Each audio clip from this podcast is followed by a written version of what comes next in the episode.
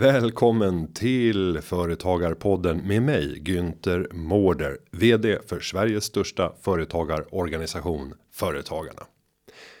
Det här avsnittet ska vi ägna åt frågan hur man som ledare ska agera i kris och hur man kan möta en framtid som ser annorlunda ut på grund av ett förändrat säkerhetspolitiskt läge. Det här och mycket mer hälsar jag dig välkommen till. För en tid sedan så fick jag möjligheten att träffa överbefälhavare Mikael Bydén. Det var i samband med Företagarna Business Forum då vi bjöd in honom för att tala inför företagare om vad man bör tänka på för att leda i kris, vad vi kan hämta för inspiration av ledarskapet i det militära och mycket, mycket mer. Det samtalet som jag hade med Mikael Bydén på scen, det ska ni nu få ta del av. Varsågoda. Eh, jag har fått in mängder av eh, frågor på mobiltelefonen och vi har fått in frågor inför. Och jag tänker att på samma organiserade sätt som eh, du inledde din presentation så kan jag klassificera ett antal områden. Att först prata Ukraina och effekterna utifrån ett svenskt perspektiv och ett företagarperspektiv också. Titta på förberedelser för företag för att kunna möta den framtid som ser annorlunda ut idag jämfört med tidigare gå in lite grann på personliga frågor och ledarskap. Absolut. Om vi nu tittar på Ukraina eh, så har ju Sverige och svenska politiker fattat långtgående beslut som hade varit helt främmande att eh, fatta kanske för, för eh, bara några månader sedan. Vi har skickat stridsmateriel till en pågående konflikt.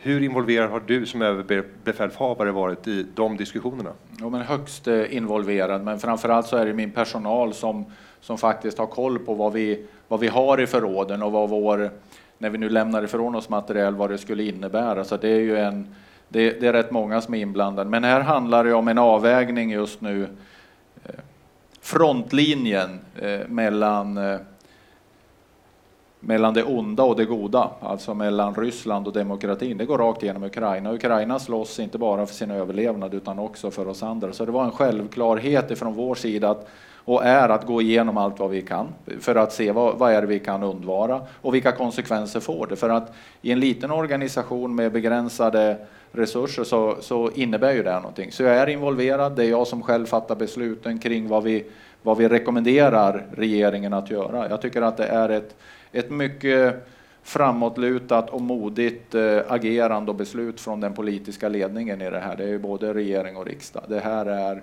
det stödet ska Ukraina ha just nu. Det är en sak att skicka materiel. Det är en annan sak att skicka stridande förband. Hur långt borta är det att Sverige skulle kunna ställa upp med stridande förband i pågående konflikt? Ja, just nu så finns ju inte de eh, internationella legala grunderna för att kunna göra det, ett, exempelvis ett, ett eh, FN-mandat så att säga. Men, men Sverige, vi har ju visat över åren och över tiden här, vi är beredda att eh, åka dit där vi kan göra skillnad vad gäller säkerhet, fred och säkerhet när vår politiska ledning fattar de besluten. Vi har varit i Afghanistan, vi är i Mali, vi har ju varit i mycket, mycket utmanande miljöer de senaste åren. Vi har många i vår personal som har erfarenheter som går långt utöver det vi kan få när vi är här hemma så här långt. Och, och vi kommer att åka till Ukraina också om de besluten skulle fattas och förutsättningarna finns där, det är jag helt övertygad om. Läget idag är väsentligt annorlunda jämfört med vid årsskiftet och vi möter en helt annan typ av säkerhetshot för framtiden. Vilka långsiktiga konsekvenser bedömer du att den här konflikten har fått när det kommer till vårt samhälle och hur det kommer att förändras? Mm. Och då tänker jag utifrån ett företagarperspektiv, hur kommer vi att märka den nya framtiden och det här före och efter som vi säkert kommer att tala om? för det första, det här är det vi pratar om, vi har bara sett de inledande konsekvenserna av det här kriget. Det är jag övertygad om. Och nu kommer ju det här med eh, ökade kostnader för, för eh, både varor och tjänster och alla de delarna. Men, men det är väldigt kortsiktigt. Det här skakar om den europeiska säkerhetsstrukturen i grundvalarna. Ta bara de eh, säkerhetspolitiska analyser som nu genomförs i Finland och Sverige parallellt som sker på mycket korta tidsperspektiv, precis som du säger. Som, som är ju en, om, om, det, om vi går den vägen så är det ju stora förändringar i säkerhetspolitisk lösning tillsammans med andra, helt andra sammanhang än vad det varit tidigare.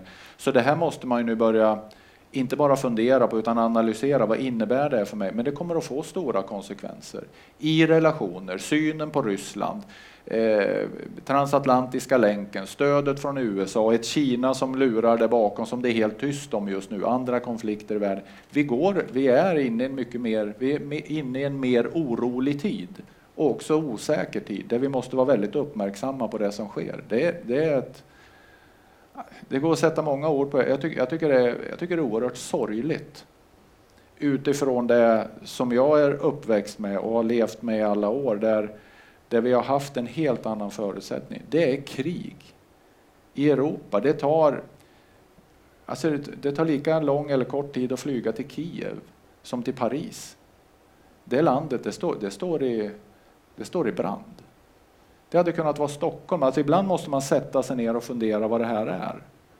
Det är en suverän stat som fullständigt blir överkörd. Och, och, och konsekvenserna, jag tror att många här inne är minst lika skickade som jag och fundera omkring och börja bedöma vad det här innebär. Men en lång period med osäkerhet, med politiska konvulsioner där vi, där vi måste vara väldigt aktsamma och rädda om de relationer vi har. Det tror jag kommer att vara väldigt viktigt totalförsvaret, där ingår ju också alla företagen i det försvaret. Och för de flesta så är det eh, så att vi, det där är bara någonting som har funnits på pappret historiskt. Nu börjar det på allvar bli så att det dyker upp tankar i huvudet. Vad är min roll i händelse av krig? Om du skulle skicka ut, nu är det väldigt många olika typer av företag, men att ge några exempel på hur företag är en viktig pusselbit i totalförsvaret. Mm. Vad är budskapet här för att förbereda sig? Den stora skillnaden om man utgår ifrån eh, idag och så går vi tillbaka 25 eller 30 år i tiden. Då hade vi ett totalförsvar väl utvecklat med eh, med myndigheter, till exempel Försvarsmakten, med, med, stora egna resurser. Vi hade transportresurser, vi kunde hantera livsmedel, vi hade sjukvårdsresurser på ett annat sätt. Det, den, den, de resurserna finns någon annanstans idag och det är inte rimligt att bygga upp där utan väldigt många av de kapaciteter och, och resurser som vi kan komma att behöva när det blir högsta beredskap och krig, det finns någon annanstans. Då måste vi säkerställa att vi kommer åt det här på ett kontrollerat sätt. Vi har avtal, eh, vi vet var, var drivmedlet finns eller var transportkapaciteten. Så det är ju då det är den ena delen i det här. Helt annorlunda förutsättningar. Om det militära försvaret var nedmonterat till väldigt låga nivåer kan man säga att civilt försvar, det, det, var, det fanns knappt någonting kvar. Så nu börjar vi där. Alla i det här landet som medborgare har, man börjar med det personliga ansvaret. Läs eh, broschyren om krisen eller kriget kommer. Det ger ju en bild av vad, vad man behöver tänka på som privatperson. Sen tar man med sig det till, till sitt jobb och sitt företag. Och så funderar man på vad sitter jag på för några resurser? Hur skulle jag kunna bidra den gången det händer? Och det som är viktigt att komma ihåg det är att det är ute på lokal nivå. I kommunerna, där medborgarna finns. Det måste samhällsfunktionerna fortsätta oavsett om det är skola eller om det är sjukvård eller äldrevård. Alltså för att om det stannar i en kris eller ett krig, då får vi ju stora bekymmer. Så att här, här kommer alla att kunna ha en roll och man kan nog ta för sig. Ta gärna kontakter med framförallt kommunen i det här fallet och mindre företag. Ni kommer att kunna bidra med väldigt mycket. Sen måste ni också fundera på vilken personal ni har kvar om det blir högsta beredskap. För jag kan tänka mig att ganska många av dem ni har är eller kommer att vara krigsplacerade någon annanstans än i företaget. Det är sånt man kan se över. En annan fråga som många funderar över är de demokratiska aspekterna på pågående konflikt och hur den demokratiska hotbilden har ökat. Vi står inför ett val inför hösten. Vi pratar allt mer om hybridkrigföring och allt mer sker i eh, cyberspace och i digitala attacker. Hur orolig är du för att ryska eller närliggande ryska intressen kommer att försöka påverka valutgången i höstens val i Sverige?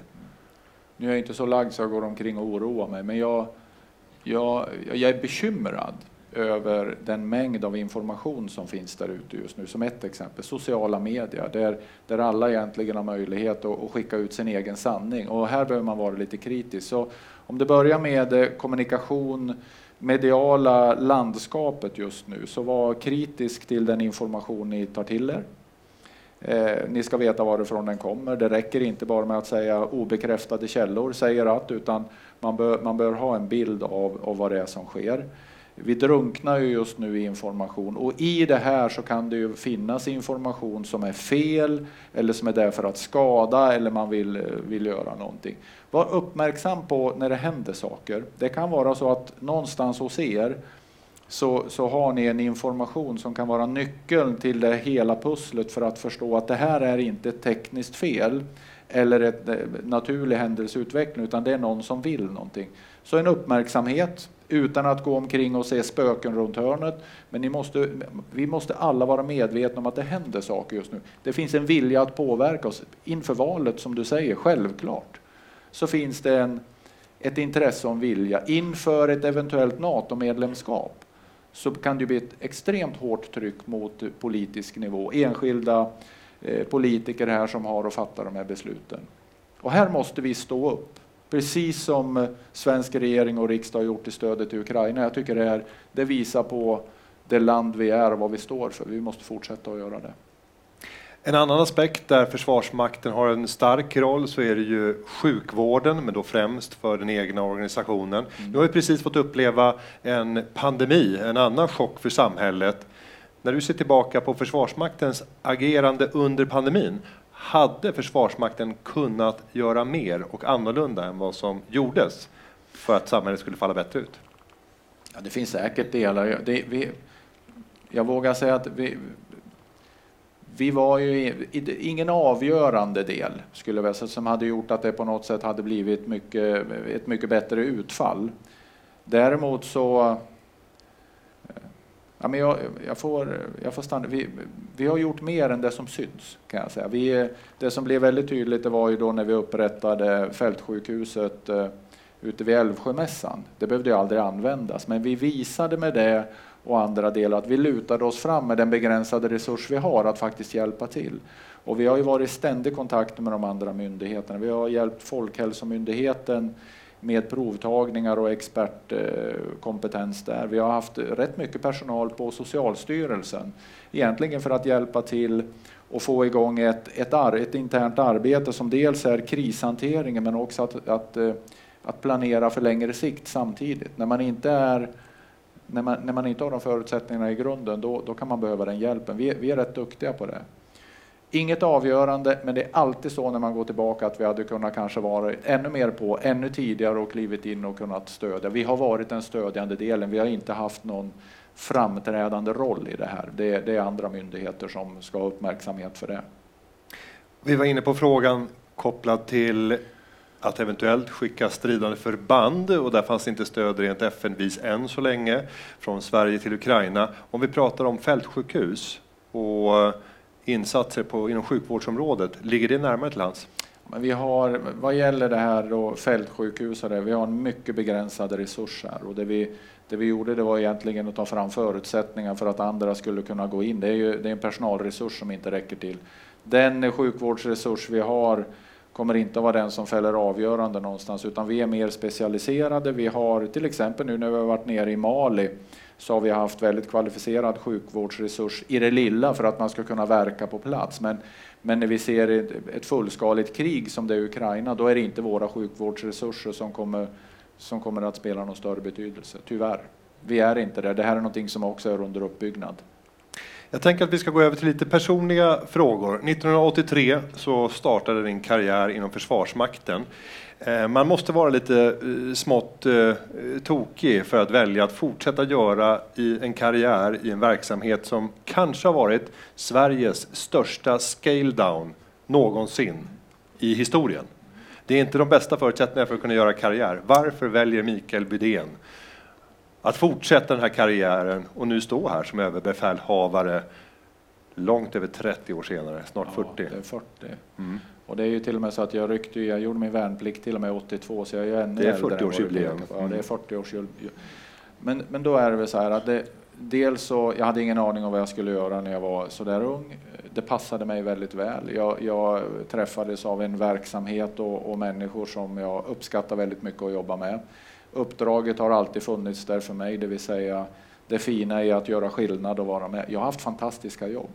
Flera av de här jobben har jag ju, har jag ju haft när det inte har känts av. Alltså det har varit väldigt skarpt. Jag flög över Östersjön i, i rätt många år i en väldigt skarp verksamhet som var det kalla kriget som övergick till någonting annat. Och, och där fanns resursen, där fanns den här framåtandan. Och, och sen fick jag ju ändå jobba då med neddragningarna på ett väldigt eh, dramatiskt och negativt sätt. Men, men jag vill ju göra skillnad. Jag, och jag har ju alltid trott på att vi kommer att göra det förr eller senare. Men jag kan ju säga att den situation vi har nu, den har jag ju önskat och hoppats att vi inte skulle behöva uppleva.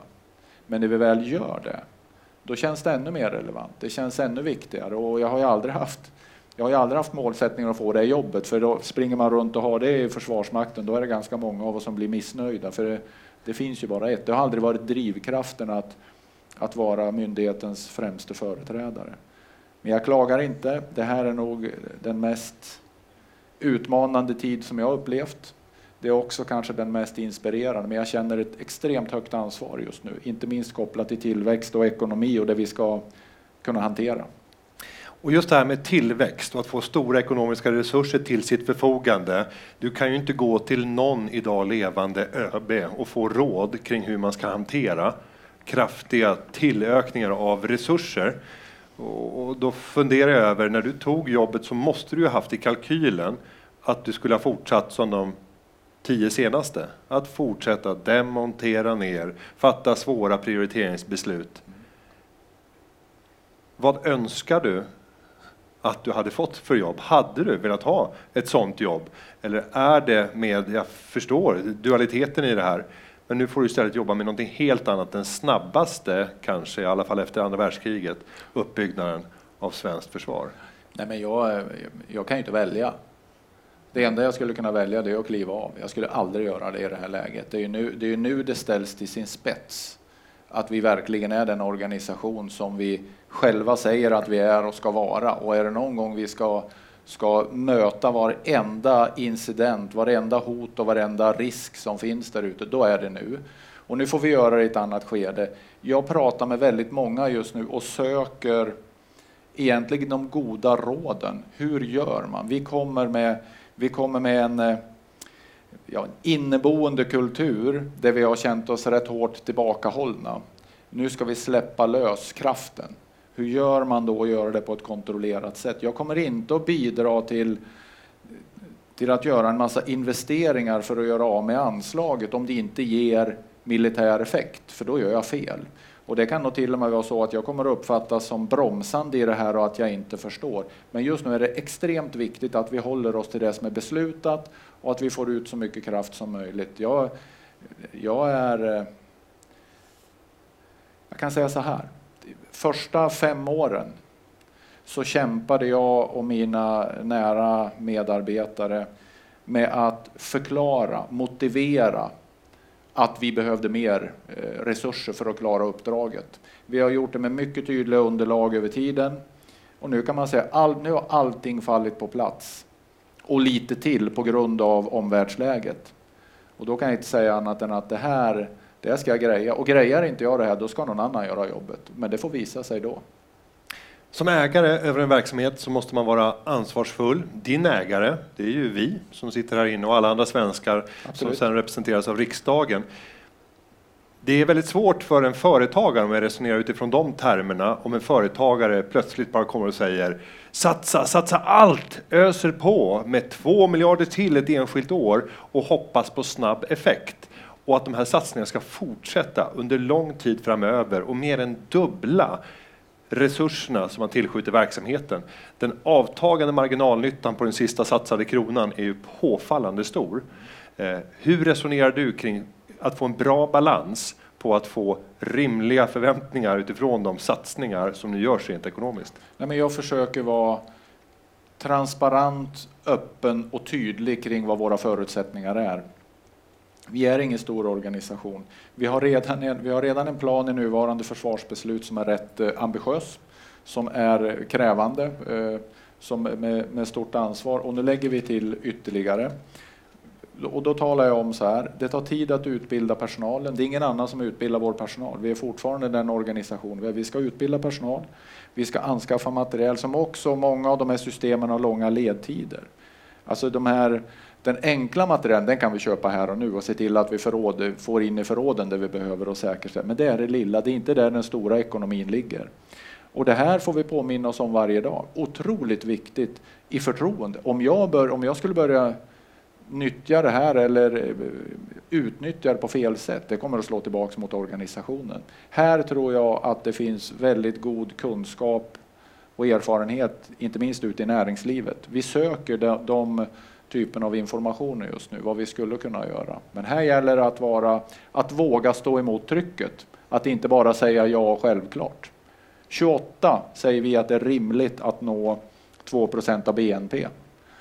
Då är det inte så att vi är jättelångt ifrån åren innan, utan det är ju det är att ta de här stegen i en redan hårt pressad eh, plan. Med våra erfarenhetsvärden säger vi att det där är rimligt, men det är inte rimligt att göra det tidigare. Men om vi tvingas göra det tidigare, då kommer vi att, att göra det. Men då blir det ju investeringar som pekar i den riktning som du då tyvärr tar upp här. Då kan det ju bli eh, investeringar för sakens skull och det kommer inte jag rekommendera. Och för en företagare som eh, driver snabb tillväxt och uppstår ofta någonting som man kan kalla tillväxtverk. Vilken typ av tillväxtverk känner du att det är högst risk för när Försvarsmakten ska växa så här kraftigt? Ja, men det, det handlar om eh Eh, den, den, personal som jag har nu är ju inte tillräckligt. Att, att, vi, att vi går in för tidigt med för lite erfarenhet. Vi utbildar värnpliktiga med för unga instruktörer och befäl som gör att inte bara utbildningen blir dålig utan att vi börjar hantera de värnpliktiga då. Det är ett sådant tydligt exempel där vi bara inte får gå fel. Att vi börjar gena i kurvorna alltså i verksamhetssäkerheten, det vill säga att vi börjar slå oss och i värsta fall slår ihjäl oss. För det, vi ska inte vara där. Det är sånt som, som, eh, som har en tendens att gå för fort hos oss. Och, det, och när jag säger att det finns erfarenheter i, i näringslivet ni är rappare och snabbare när det kommer till att rampa upp eller att dra ner. För ni måste det, för drivkraften är ju faktiskt en, en ekonomi som slår hårdare snabbare än att vara anslagsfinansiering. Men jag tror att nycklarna finns här. Jag är jätteintresserad av att lyssna och få det med mig. Nu över till någonting helt annat som för dig säkert är självklart men för oss andra är väldigt svårtytt. På din eh, vackra uniform så sitter det mängder ja. av färgglada, ja vad kallas det?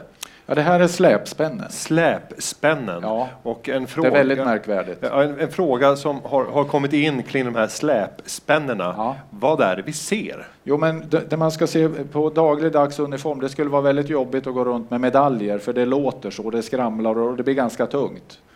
Så att bakom en så, ett sånt där släpspänne så finns det en medalj om något, en, en utmärkelse av något. Och då kan man väl ta någon, det handlar ju om eh, att jag har gjort värnplikt. Det handlar om att jag har gjort eh, utlandstjänst. Det handlar om att jag har fått en NATO-medalj. Några är Eh, internationella, till exempel en norsk eh, utmärkelse, en finsk som jag är väldigt stolt över, några andra länder, frivilligorganisationer har en jag amerikansk? Fått jag har en amerikansk, och det, det, här, jag är så dum när jag tar upp olika länder, för nu glömde jag ju något där och så kommer ja. någon att påpeka att du sa ju inte Frankrike, men nu gjorde jag det. Ja. Och så kan jag säga något baltiskt land och så här, men det, det är lite så det, det, är en medaljsamling som får eh, vilken eh, flicka eller pojke när man tittar på medaljsamlingen hemma i idrottssammanhang att, att blekna.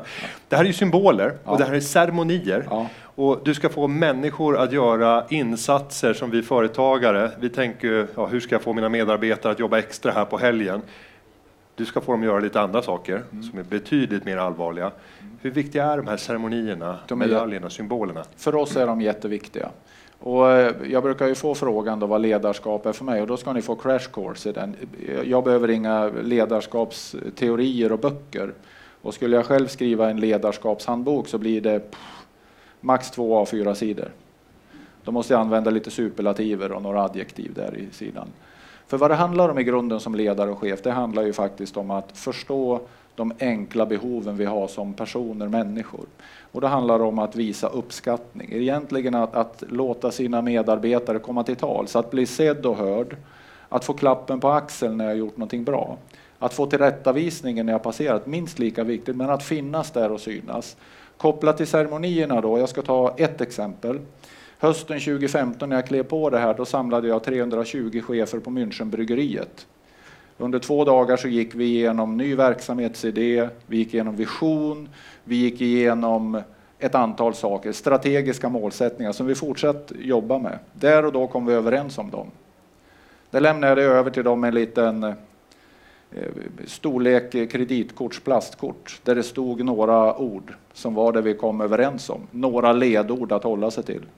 Jag delade ut ett sånt och så tog jag alla de här i hand och såg dem i ögonen och frågade om vi hade en överenskommelse och ett avtal. Så gör jag. För jag vet att det är väldigt viktigt för oss. Handslaget, se någon i ögonen och säga att nu är det det här som gäller. Det är ett litet enkelt. Sen håller vi på med en massa andra ceremonier och, och traditioner som också är väldigt fina för oss och viktiga. Att vi respekterar var vi kommer ifrån på uniformen. Att vi hedrar våra veteraner. Att eh, när vi har förolyckade i vår organisation, att vi tar hand om det på allra bästa sätt. Man kan aldrig göra för mycket.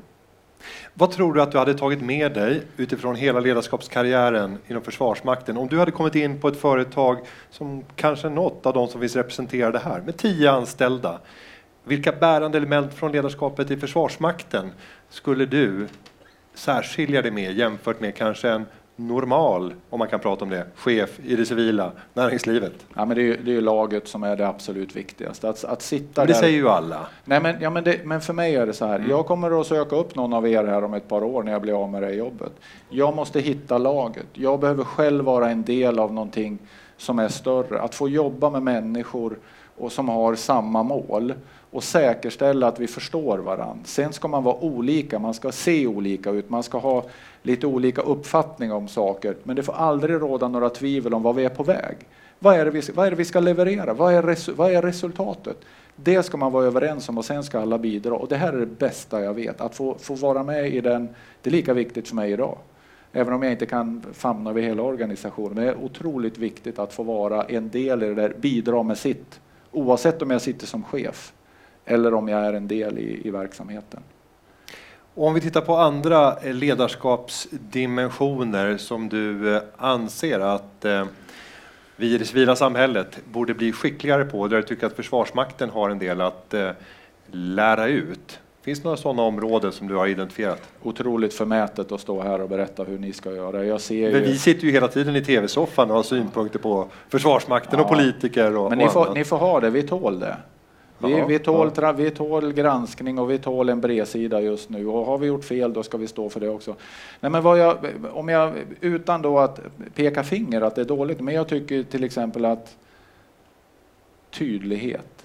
Att våga ta frågor även medialt. Alltså för mig, kommunikationen är nog kanske min absolut största utmaning.